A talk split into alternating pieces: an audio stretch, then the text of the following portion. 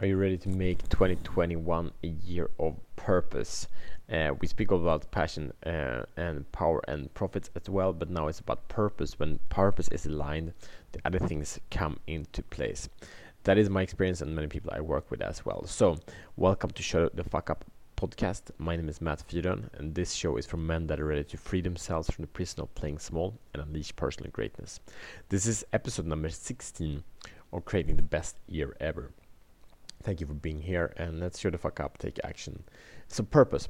There are a few um, massive misconceptions when it comes to purpose, and I would say the first one is that the biggest one is that mm, people are tend to um, projecting their purpose into the future, into an unknown, into decades a- ahead, or or way way further ahead. At the same time, they want to have an experience of the purpose in now. But since the purpose is so big, since it's something they believe will be with them for, for years and years and years and years and years, and then they don't realize they're not willing to realize because this is it because it feels like such a big decision and therefore a lot of men are actually not recognizing the purpose that is so obvious and by that they're held back by because they're not willing to receive the clarity that is already there. So um, i will speak to you about the three levels of purpose and that will make things way way more accessible for you. And by that being able to have the best year ever 2021 so um, Eckhart Tolle has an amazing book called The Power of Now. And the power of now is very very uh, deep and it's very very simple because it's the point is that it speaks about be present very very deeply present in the moment. So and, and Eckhart Tolle also describes uh, that one's purpose is to experience this moment fully um, and we'll go into that a bit more in a little bit. But the power of it is that if it's this moment, this, this specific moment that is my life purpose, I can let any other idea go. And then it's a new moment and a new moment, and I can only be there in the present. So that creates a sense of uh, freedom.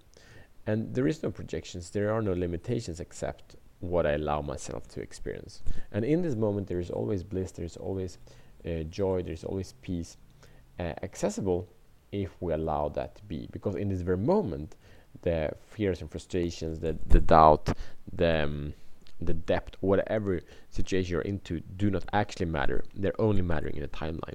So in the moment, we're always actually free. So um, again, I will come back to the, the purpose of the moment, and in a, in a while. First, um, there's the second level of purpose, and that's the purpose of the day is just being able to set an intention that is in alignment with you and uh, when we do that we can start measuring a day seeing that this was a day of purpose or not. And building up power creating the success cycle or the failure cycle meaning that we become stronger and stronger or weaker and weaker and we choose what to do by being intentional with a day purpose and fulfilling that purpose. And then if we do the first and the second uh, con consistently the life purpose gets clearer and clearer. And um, what we can describe these, uh, the day and life, is that we can describe them as methods of expressing who we are. Uh, because in in the essence, the purpose is who you are. In an extension is um, the question would be if you would just live your truth, if you would live who you are, that is different from anyone else, no one is exactly like you. If you would live that truth from this moment and every moment into the future, what would be natural that would you create? Who would you be? Um, what would you have? What would you do? Just natural extension of living your truth. What would be a successful day? What would be a successful life? What would be a life where you could lay down uh, and shut your eyes for the very last time with a sense of peace uh, and and uh, soft smile in your face, what would it take? So in the moment, there is always something that we're striving for, and the other two are based on this moment. And to get really clear and specific with this, we need to go into a little bit of, of psychology and uh, or, or behaviorism. And parts first is that uh, everyone has different needs, has the same needs as human beings, and on these needs we have uh, values, and our values determine um, on the strategies that we will use to satisfy these needs. So, for example, in the need of uh, like connection and love, um, social need, then if there is a person that has a value of so valuing uh, connection or truth.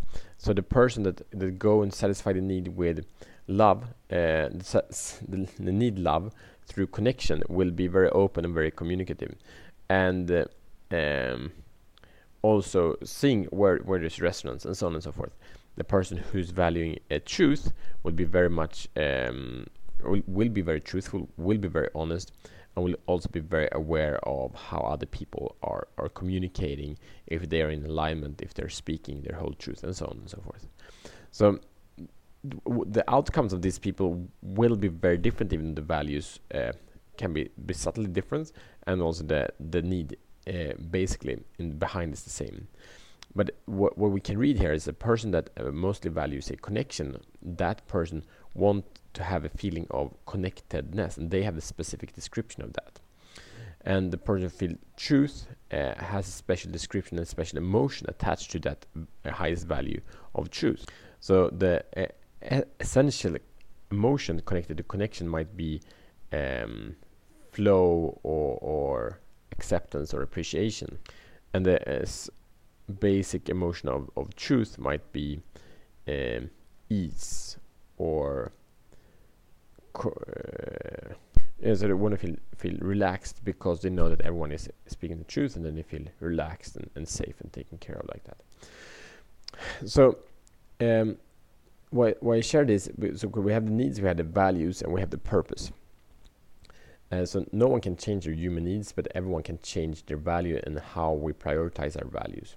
When it comes to purpose, however, it's important to recognize that what we're actually desiring is to have an experience of who we are because we attach through our um, evolution and through our socialization, our culture, our environment, then we get imprints of things that are good and things that are bad, things that are threats and things that makes us more um, powerful or en enable us.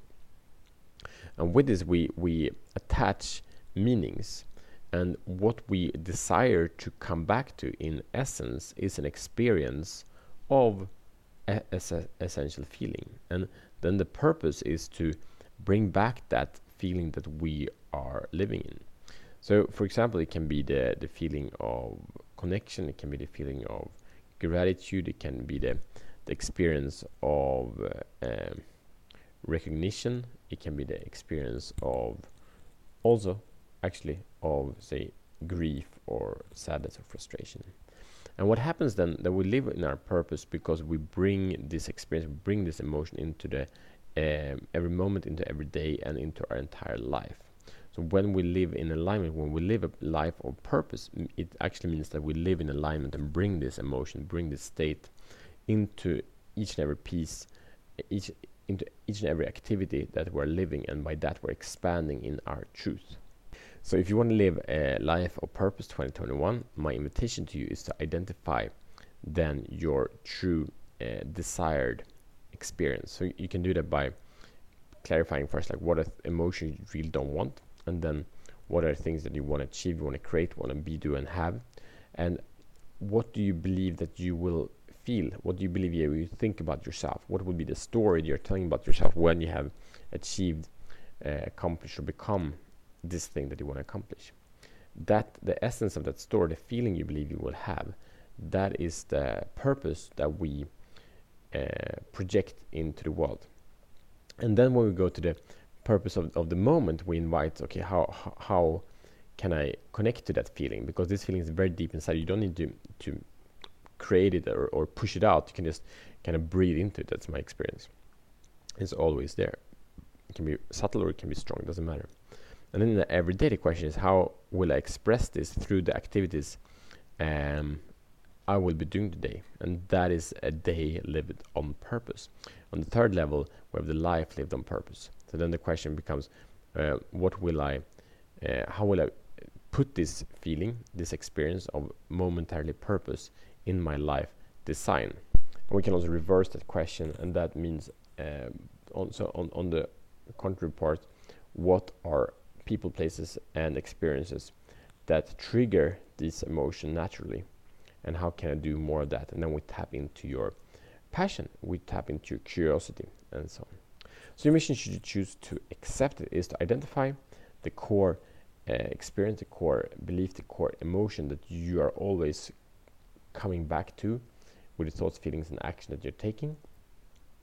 And then design your day, design your life, and, and connect to your moment by seeing this very simple purpose, this very simple truth.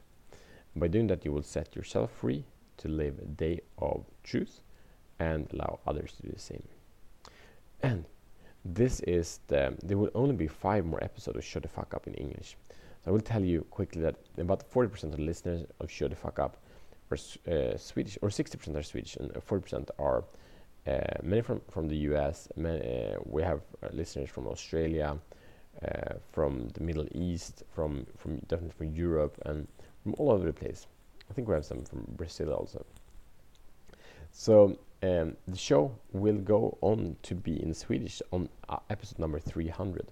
So uh, thank you so much for all the patience and all the love with this show and all the support. So if you've been listening to this show uh, and you don't speak Swedish, uh, you just have a few more shows left. So please send your input and feedback to ishowtfapp.com, i at showtfapp.com. And if you're Swedish and you listen in Sweden or from other place, we, I will lose about 40% of the listeners in, in a couple of days. So if you um, appreciate the show and you want to share it with friends uh, in Sweden or Swedes outside Sweden, please do so we can continue to bring clarity to uh, epic men. Thank you, and I see tomorrow as better men.